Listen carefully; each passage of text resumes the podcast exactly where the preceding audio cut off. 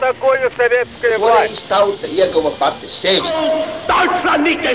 Liktenīgas nejaušības un slēptas likumsakarības, subjektīvas patiesības un objektīvi aizspriedumi.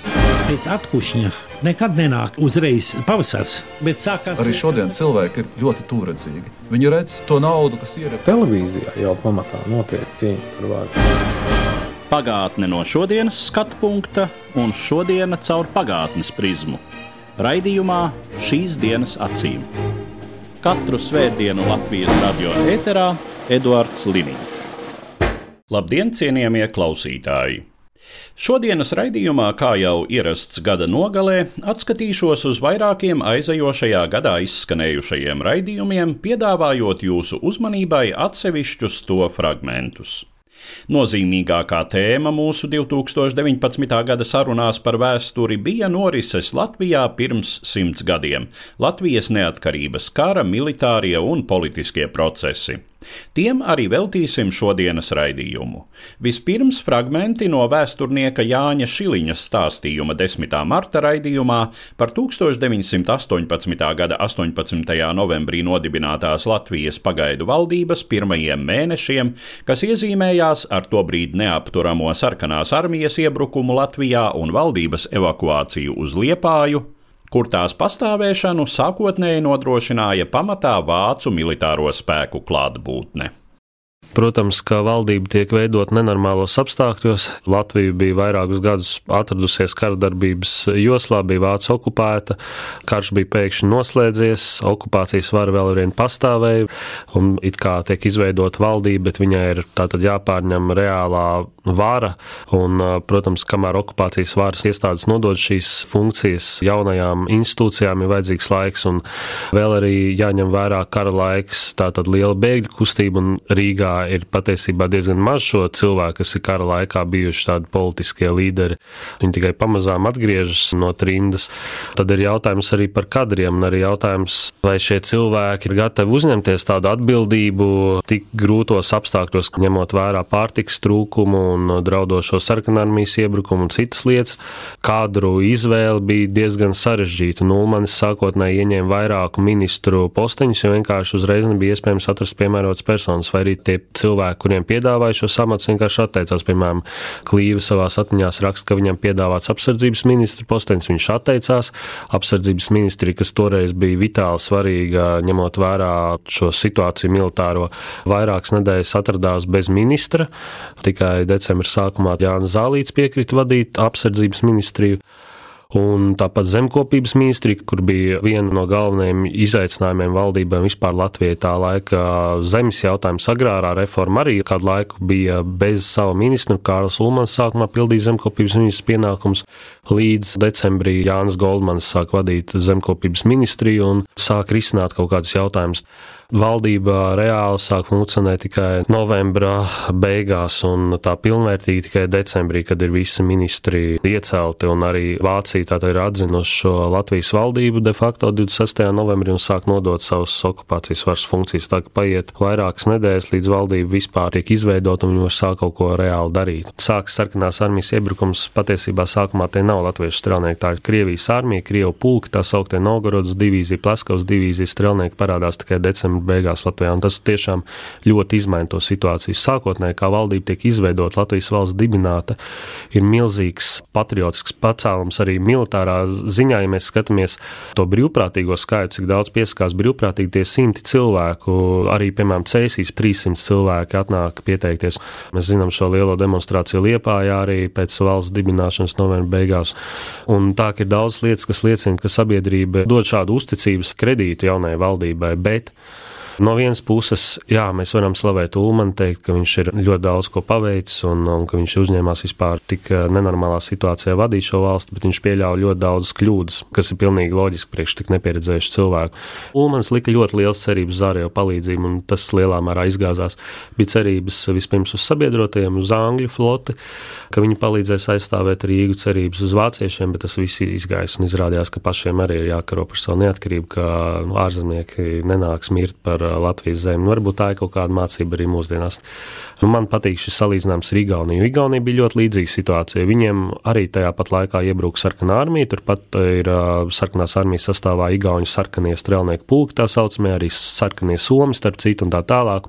Un sarkanā armija nonāk Tallinas pievārtē un liekas, ka Igaunijai nekas neizdosies un ka valdībai būs jābēg prom, tāpat kā Ulmaņa valdībai no Rīgas, bet Igauni izdara vairākas lietas. Bet tā svarīgākā lieta, kas atšķir Igauniju no Latvijas, ir tā, ka Igaunijas valdība jau novembra beigās pasaka, ka viņi dos zemi bezzemniekiem, un galvenais viņi dos zemi tiem, kur cīnās par Igaunijas neatkarību. To viņi saka jau decembrī, un jau pēc mēneša kara iznākums ir izšķirts.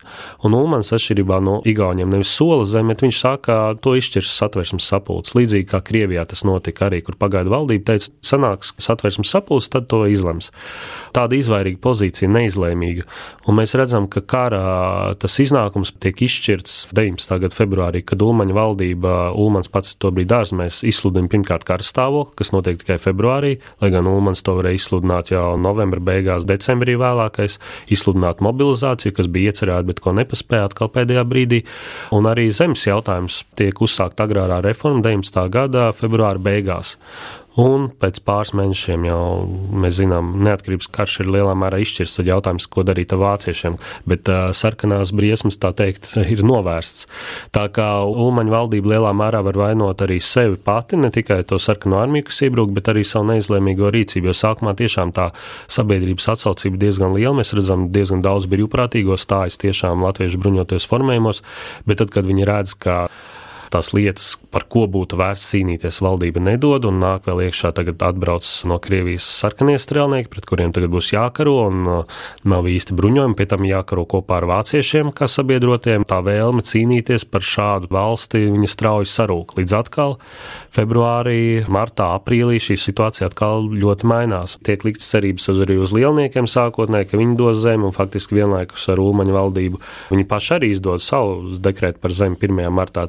Un faktiski šie abi dekrēti tiek publicēti presē vienlaikus. Ulmaņa valdības dekrēts, tie noteikumi par zemes iegūšanu bezzemniekiem un padomju dekrēts, kurš saka, ka nevis bezzemnieki dabūs zemi, bet uh, mēs visu zemi nacionalizējam. Mēs pat atņemam zemi tiem, kuriem viņi pieder. Tātad arī tiem vecsaimniekiem, kur ir uh, milzīgām pūlēm un nenormālu darbu, ir spējuši iepirkt to zemi. Visa zeme ir valsts īpašumā. Mēs tagad mūžus pārvēršam uh, solhozos, komunās, savukārt uh, zemnieki var uz gadu nomāt zemi. Protams, tas ir pilnīgi nepieņemama tā laika Latvijas sabiedrībai, un komunisti zaudēja kādu atbalstu. No otras puses, mēs redzam, ka Niedras valdība arī Viņi uzreiz aptur agrāro reformu, kas ir sākta, ko pagaidu valdība sāka, tiek apturēta valsts zemju dalīšana, valsts zemes fonds nevar darboties tālāk, un visu laiku ir kaut kādi arī tādi mistiski solījumi un kaut kādi mēģinājumi saskaņot mužnieku intereses ar bezzemnieku interesēm, ka it kā mužnieki gatavi kaut kādu trešdaļu zemes nodot bezzemniekiem. Skaidrs, ka Ulmanim no februāra, marta šī agrārā reforma ir nu, vispopulārākā sabiedrības vidū. Tiešām varbūt lielnieku programma pēc savas vismaz ideoloģijas un kaut kādiem praktiskiem apsvērumiem ir pragmatiskāka, jo viņi saka, mēs radīsim laukos lielražošanu, korporācijas gan drīz vai tas tagad tur ražos un visus apgādās pārtiku, bet cilvēki grib to zemi, privātu īpašumu, kur it kā visi ir domājuši, jā, ka tie bezzemnieki ir ļoti tādi sociālistiski noskaņoti un strādnieku šķīra un lauka proletariāts un tam līdzīgi, bet ka viņam ir jāatšķirās no savas kazas vai gos un jāvada uz sohozu, tad pēkšņi izrādās, ka viņi ir gatavi šauteni rokās cīnīties par to stučkas režīmu. Kā zināms, lielinieku spēku iebrukumu izdevās apturēt jau janvārī, un februārī pretlielinieciskie spēki, kuru pamatmasu tobrīd veidoja Vācijas armijas un brīvprātīgo vienības, atguva Kuldīgu un Ventspili, bet martā Tukumu, Dobeli un Jelgavu, atspiežot sarkano spēkus līdz Lielupei. Tomēr aizmugurē tikmēr pieauga spriedze starp Ulmaņa pagaidu valdību, Vācu baltiešu aprindām un pretlieliniecisko spēku komandieri Vācu ģenerāli Fondergolcu. Atklātā konfliktā šī rīvēšanās pārauga 16. aprīļa apvērsumā, kad Liepājā pagaidu valdība tika atstumta no varas, bija spiesta meklēt glābiņu uz kuģa sabiedroto eskadras aizsardzībā, bet Latvijā tika izveidots Andrieva Niedras vadītais kabinets. Par 16. aprīļa apvērsuma cēloņiem un rezultātiem 14. aprīļa raidījumā diskutēja vēsturnieki Gints Apals un Jānis Šiliņš. Pats Golds vēlāk atmiņās rakstīja, ka pie viņa marta sākumā ieradušies karstasinīgi Landesvēra karavīri, vācu baltieši, kuri teikuši, ka vispār Jālgavas atbrīvošana, Kurnavala Rīgas atbrīvošana nav pieļaujama apstākļos, kad valdība patiesībā ir pret viņiem drīzāk noskaņota, ka viņi atbrīvos šīs Latvijas daļas un pēc tam paliks ar, ar tukšām rokām. Pats Golds, protams, tur ir interesanti, kā viņš definēja savus mērķus šeit Baltijā, un tur viņš arī arī savā atmiņā uzskaita šos četrus vai piecus savus ienaidniekus, ar kuriem viņš pēc kārtas tiek galā. Tātad pirmais ienaidnieks ir lielnieks, kurš sakoja martā, pēc tam zaldātu padomu, kur padzana 3. aprīlī, pēc tam nāk Kārļa Ulmaņa valdība, kur gājuši 16. aprīlī, pēc tam rindā stāv Antantes valsts, pret kurām viņš karo cēsu kaujās, un gal galā arī vācu sociāldemokrātu valdība, kas arī viņam liekas viens no ienaidniekiem. Un Latvijas izlūkdienesta vadītājs Leitnants Sergejs Staprāns savā atmiņā raksta, ka viņam bijusi jau informācija martā par to, ka kaut kas tiek gatavots, un 10. aprīlī viņš jau varēja ziņot apsardzības ministram Jānim Zālītam konkrētus plānus, kad ieradīsies šī Landesvēra trieciena nodaļa un kā tas viss notiks.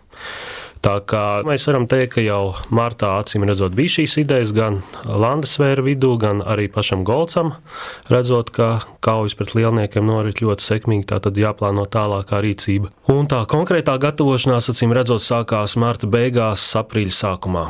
Pie tā varētu piebilst, ka droši vien tiešām šeit ir jāstāsta vairāku mēnešu ilga attīstība, kas ved pie 16. aprīļa notikumiem.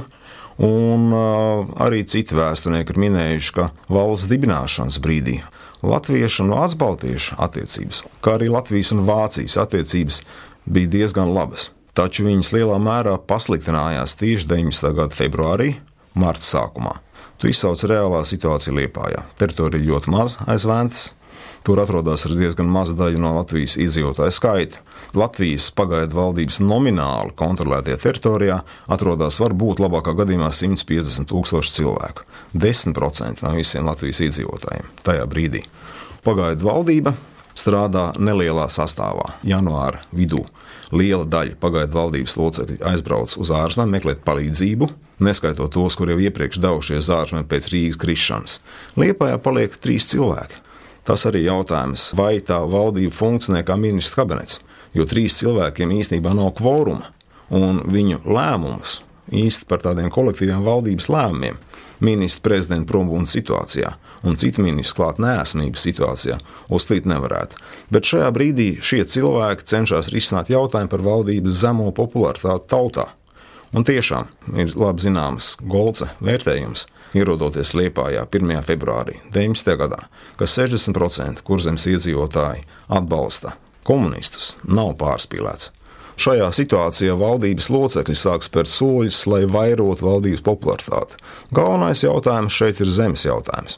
Droši vien, ka liels lūzuma punkts ir tas, ka zemkopības ministrs Jānis Goldmans, kurš atgriežas Liepājā no ārzemēm februāra vidū, uzraksta dokumentu par bezzemnieku apgādāšanu ar zemi. Tas tiek pieņemts pagaidu valdībā Liepājā 27. februārī. Un šeit jau parādās ļoti skaidrs mājienas tautai, ka pagaidām nav runas par privāto mūžu konfiskāciju, bet ir skaidrs mājienas par to, ka valsts zeme tiks sadalīta bezzemniekiem. Protams, ka Vācu baltieši, kas lielā mērā šo militāro spēku, landesvēru spēku vada mūžniecības pārstāvi, to uztver kā draudu. Un otrs faktors blakus pie tā paša ir jautājums par Vācu baltiešu vispār pārstāvību Latvijas tautas padomē un pagaidu valdībā, kura praktiski neeksistē. Tāpēc, ka pagaidu valdībā ir viens nomināli Vācu baltu pārstāvis, valsts kontrolieris Barons Rozenbergs, kurš ļoti minimāli piedalās valdības darbā. Vācu baltiešu tautības ministru vietnieki visi ir atlaisti ar 9. janvāra rīkojumu Liepājā. Tātad faktiski tā ir tīra etniska latviešu pilsonisko politiķu grupa kas uzstājās kā Latvijas valdība. Vācu baltiešu spektrs ir plašs. Ir tātad Vācu baltiešu progresīvā partija, kas atbalsta pagaidu valdību, tautas padomu. Daudz reprezentatīvāka organizācija ir Vācu Baltiešu Nacionālā komiteja, kur tiešām pārstāv lielāko daļu Vācu baltiešu, gan politiskās partijas, gan dažādas sabiedriskās organizācijas. Un viņu mērķi un prasības netiek ņemti vērā, veidojot Latvijas valdības agrāru politiku, izskot solījumus tautai. Vēl martā šī Nacionālā komiteja pirmkārt meklē iespēju iekļauties tautas padomē, kas viņai ar formālu iegānstu tiek atteikts. Un otrkārt, viņi iesniedz memorandu. Vācu baltiešu vēlmes 14 punktus pagaidu valdībai, kas arī nekādā mērā martā netiek ņemts vērā. Un, protams, tas viss rada iespaidu, ka Latvijas pagaidu valdība vērsīsies pret Vācu baltiešu kopienu kā tādu un sevišķi pret mūžniecību atsevišķi. Līdz ar to pašu radās objektīvi iemesli, kāpēc arī vienai daļai Landesvēra veidojās vēlme vērsties pret šo valdību un nomainīt viņu ar kaut ko citu, ar plašāku bāzi kas ņemt vērā viņa intereses, ņemt vērā viņa militāro spēku, un paradoxālā kārtā līdzīgi domā arī ļoti daudz citu Antānas valsts pārstāvju Liepājā, ka pagaidu valdības bāze ir jāpaplašina, uzņemot viņā minoritāšu un konkrēti vācu baltiešu pārstāvis. Es vēlētos tomēr uzsvērt, ka vismaz manuprāt, šī Vācu baltiešu līnija 16. aprīļa pučā nebija noteicošā, nebija galvenā. Nevelti Nacionālā komiteja nosodīja šo apvērsumu, un viņi arī atteicās formēt valdību, tāpēc arī bija tik liels grūtības saformēt šo kabinetu. Manuprāt, visā šajā 16. aprīļa puča stāstā galvenā tomēr ir Vācijas ģenerāļa Rīdgera Fondera Golca līnija, kurš šeit īstenoja savu politiku, tā skaitā tā arī zinām Vācijas valdības aprindu politiku un zināmas rūpniecības un citas intereses, kas bija interesētas Latvijas dabas bagātībās. Es pieļauju, iespējams, tā attīstība būtu veiksmīgāka, ja Ulmaņa valdība būtu kaut kā konstruktīvāk reaģējusi uz to un ka būtu Vācu baltieši grūtāk izmantot šajās manipulācijās, bet diemžēl tas nenotika. Golds spēlēja uz tādu radikālāko, nepieredzējušāko mazākumu šajās Vācu baltiešu it sevišķi Landesvēra vienībās, ja mēs skatāmies, kas veids šo apvērsumu, tad tie bija gados jaunie vācu tautības mužnieki, leitnants Mantēfels, kurš bija Vācijas armijas virsnieks. Barons Hāns, kuram bija 19 gadi tajā laikā, un viņiem nebija pat īsti tādas saprašanas, ko darīt pēc tā apvērsuma. Niedras valdības iespējas kontrolēt uh, situāciju Kurzemē un Zemgalē, un pēc tam Rīgā bija daudz mazāks nekā Ulmaņa valdībai, jo gan tas pats pulkvedis Balodis konsekventi izteica lojalitāti tieši Ulmaņa kabinetam, tāpat uh, Ulmanis caur šo Ziemeļlatvijas militāro un civilo pārvaldi reāli kontrolēja, varēja īstenot kaut kādus lēmumus Ziemeļvidzemes atbrīvotajos pagastos un pēc tam Vidzemē cēskauju laikā, kur sākās faktiski šī agrārā reforma jau. Niedra pats pats atzina, ka viņam tā ietekme bija tik maza, ka viņš pat nevarēja sarunāt transportu legāli uz Rīgu, lai pārbrauktu no Liepājas uz atbrīvoto Rīgu. Viņam bija uz mutes jāsēž kaut kādā pa ceļam nostapētā vācu karavīru mašīnā, un neviens viņu neņēma galvā. Viņš ļoti labi saprata, ka viņam tā iespēja reāli vadīt procesus patiesībā ir ļoti niecīga. Un šajā ziņā Ulmans, kurš sēdēja uz kuģa ar ātovu, bet viņam bija kontakti gan ar šīm sabiedroto valstu misijām, kas tajā laikā, protams, bija ļoti svarīga arī tātad ietekme no šo ziemeļa vidzemi un arī baložu vienības un aizmugures komendantūras un atsevišķi ierēģi, kas kaut ko mēģināja darīt, viņam pakļāvās. Viens līnijas lūk ir neatkarības karš, valsts karš par savu neatkarību, otrs līnijas ir pilsoņu karš, kur ļoti dažādas sabiedriskās grupas konfliktē savā starpā, veido mainīgas koalīcijas, arī militārās koalīcijas viena pret otru. Trešais koncepts, kas bieži pieminēts, ir militārā intervence, ka Latvijas teritorijā šī gada laikā darbojas vismaz 14 dažādi bruņoti formējumi. Un pēdējais koncepts, kas ir populārs arī pasaules literatūrā, tāds, ka vispār Pirmais pasaules karš nav tobrīd vēl beidzies. Visi šie konflikti, kas notiek Austrumēropas reģionā 19. gadā, 20. vēl 21. gadā, ir Pirmā pasaules kara turpinājuma process. Pirmais pasaules karš nav noslēdzies, nav radīta jauna, stabila valsts sistēma, kuru mēs pazīstam vēlāk ar nosaukumu Versaļas sistēma. Bet arī šādā veidā to varētu skatīties. Par Niedras valdību droši vien vajadzētu piebilst to, ka tomēr jāstāsta, kas tad Niedras valdībai pakļaujas un kas ne. Tas, kas nepakļaujas konsekventi Niedras valdībai, ir divi spēki. Tā ir Igaunijas armijas sastāvā karojošā Ziemeļlatvijas brigāde, vēlāk armija, kas pakļaujas Igaunijas militāriem komandieriem pilnībā, kuri arī nosaka situāciju Ziemeļvidzemē. Ziemeļvidzemē situācija vairāk nosaka Igaunijas valdības politika nekā Kārļa Ulmaņa pagaidu valdības ierobežotā komunikācija no kuģis rato liepājas reidā. Otrs, kas nepakļaujas Nīderlandes valdībai, ir Latvijas delegācija Parīzes miera konferencē. Visi pārējie lielā mērā pakļaujas Latvijas civildienas, pakļaujas, un vienalga, cik vājš viņš tobrīd nebūtu, viņš turpina darbu, pakļaujas Niedras valdības rīkojumiem. Vēl viena lieta ir baloža. brigādes jautājums, Dienvidu Latvijas brigādes jautājums, un šeit mēs redzam to, ka vispār primāri balodas pakļaujās saviem militāriem komandieriem. Majoram Flečeram un Fondra Golcam, un tikai pēc tam ir jautājums, vai un cik viņš pakļaujas kaut kādiem politiskiem vadītājiem. Viņš tiešām atzīst, ka viņš ir karavīrs. Pirmkārt, viņš pildīs karavīru pienākumu, karos pret komunistiem, un lielā mērā tas nosaka arī Baložas brigādes neutralitāti. Ļoti traģisko cēlus kauju laikā Tikmēr pret Pētera Stučkas vadīto padomju Latviju vērstā fronte palika vienota, un 1919. gada 22. maijā šiem spēkiem izdevās atbrīvot no lieliniekiem Rīgu. Tam sekoja strauji padomju Latvijas armijas sabrukums un Stučkas valdības bēgšana uz Latgali. Par šiem notikumiem 6. jūnija raidījumā stāstīja vēsturnieks Valdis Kusmins. Padomju Latvijas armija šajā brīdī bija padomju sarkanās armijas sastāvdaļa, rietumu frontes sastāvdaļa. Viņu rīcībā, viņu pavēlēs, viņu plānos un viņu teiksim, nākotnes novērtējumā nekur neparādās kopējais strateģiskais sliktais līmenis.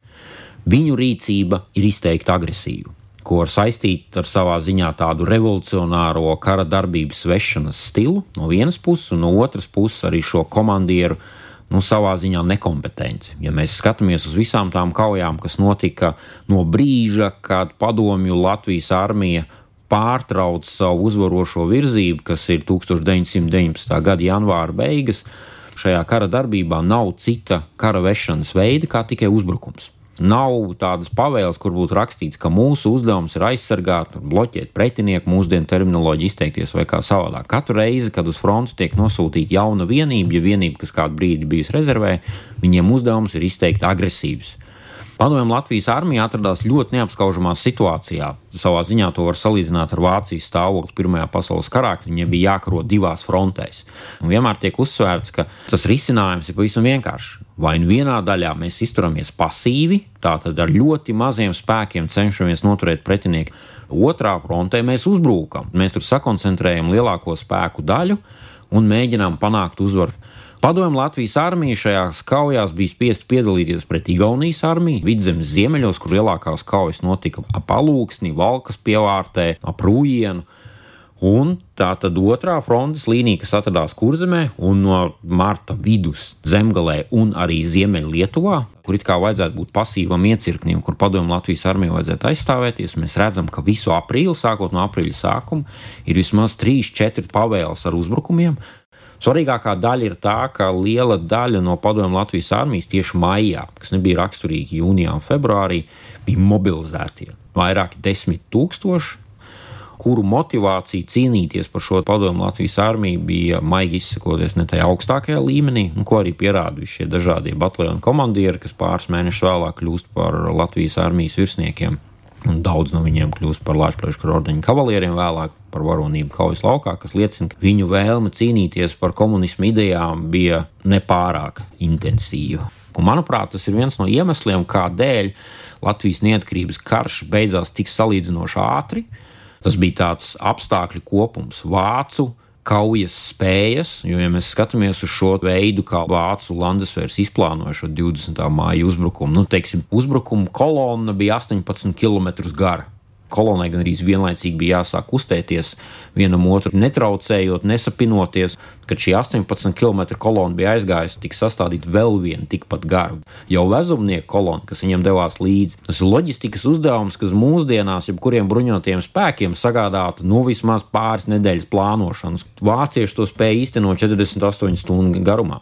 Tad šīs vācu kaujas spējas un latviešu vienība ko mūsdienās varētu saukt par soft power, kur Ulmaņa valdība un šī politiskā platforma, ka mēs dosim zemi, mēs jums dosim visu to, kādēļ jūs iestājāties padomju Latvijas armijā, vairāk vai mazāk brīvprātīgi, jeb nedezertējāt, kaut gan tikāt mobilizēti.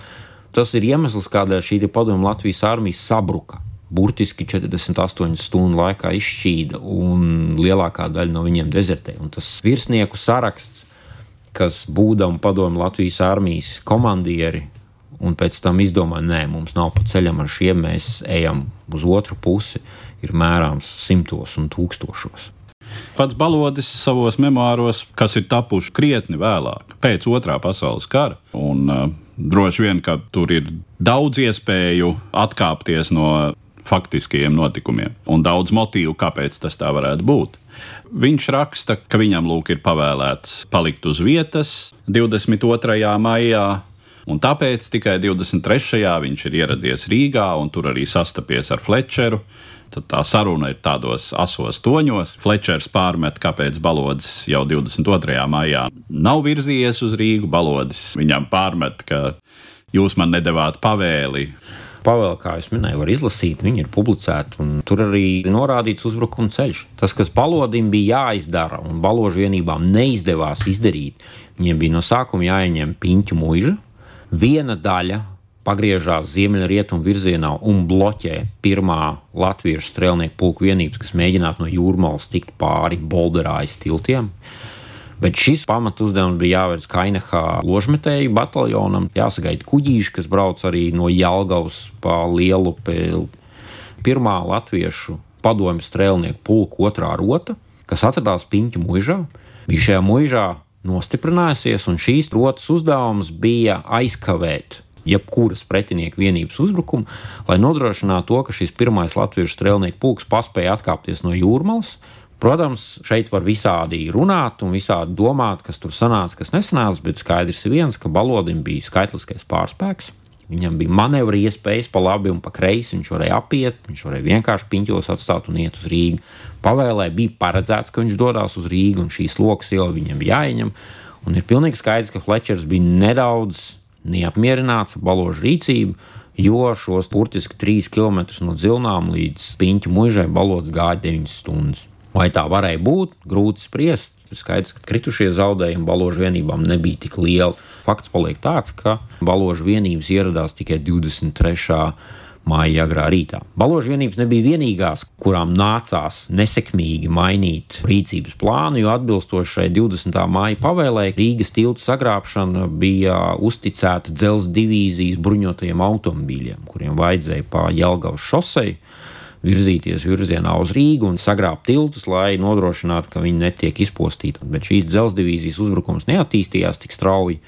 Līdz ar to, kad sākās kauja pie koka tilta, tad tās bija Landesvēra priekšējās vienības un Vācu medama brīvkorpus, kas bija faktiski artērijas vienība ar pāris ložmetējiem, arī ierādās, un vēl arī atsevišķas jātnieku vienības. Uzbrukums bija pārgalvīgs, un tas galvenais uzbrukuma mērķis, ko viņi gribēja panākt, bija ieslodzīt to, no kuriem daļa bija ķīlnieki, jo padomju Latvijas armijas vadība un arī bolševiku vadība, politiskā vadība ķīlnieku ņemšana uzskatīja par leģitīmu kara vešanas līdzekli, kas tāds nav. Un bija jau vairāki piemēri, piemēram, bojā gājušie Jālgavas ieņemšanas laikā un Tukuma ieņemšanas laikā. Hans von Manteifelļa mērķis bija doties uz Citadeli, kur atradās guberņas cietums, kurā bija 663 ieslodzīti un šo ieslodzīto arī atbrīvošanu, kas bija sekmīgi.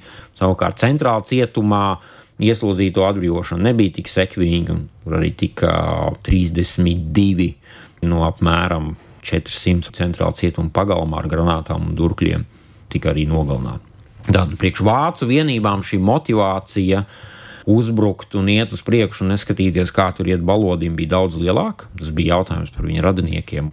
Kaujas vēl turpinājās pie Juglas tiltiem un pēc tam tālāk pie robežiem, kur kaujās tika smagi ievainots Firs Slīvens savas vienības priekšgalā. Bet tālākā virzība ir arī tā bija izsludināta pavēle, tika sastādītas trīs kājnieku un viena kavalērijas kolona, un visām šīm kolonnām uzdevums bija pilnīgi vienāds - sasniegt vidzemes guberņas robežu latviešu apdzīvotajos apgabalos.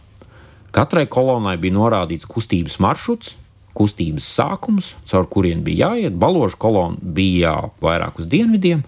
Tālāk uz ziemeļiem bija Jēnas kolona un Mantēfeļa kolona. Abām divām vienā brīdī bija jāiet cauri cēsīm, bet pēc tam, izējot cauri cēsīm, viņām bija jāvirzās tālāk arī ziemeļaustrumu virzienā. Par tālākajām norisēm sadursmi starp Niedras kabinetam lojālajiem vācu spēkiem un Igaunijas armiju ar tās sastāvā esošajām Ziemeļlatvijas armijas vienībām cēsu kaujās, kā arī par cīņām pret Bermonta karaspēku 1919. gada rudenī, klausieties 2019. gada raidījumu fragmentos nākamā svētdien, 5. janvārī. Šajā raidījumā dzirdējāt vēsturniekus Gintu Apalu, Valdi Kuzminu un Jānis Šiliņu. Uz redzēšanos un laimīgu jauno gadu cienījamie klausītāji! Katru svētdienu Latvijas radio viens par pagātni sarunājas Eduards Līniņš.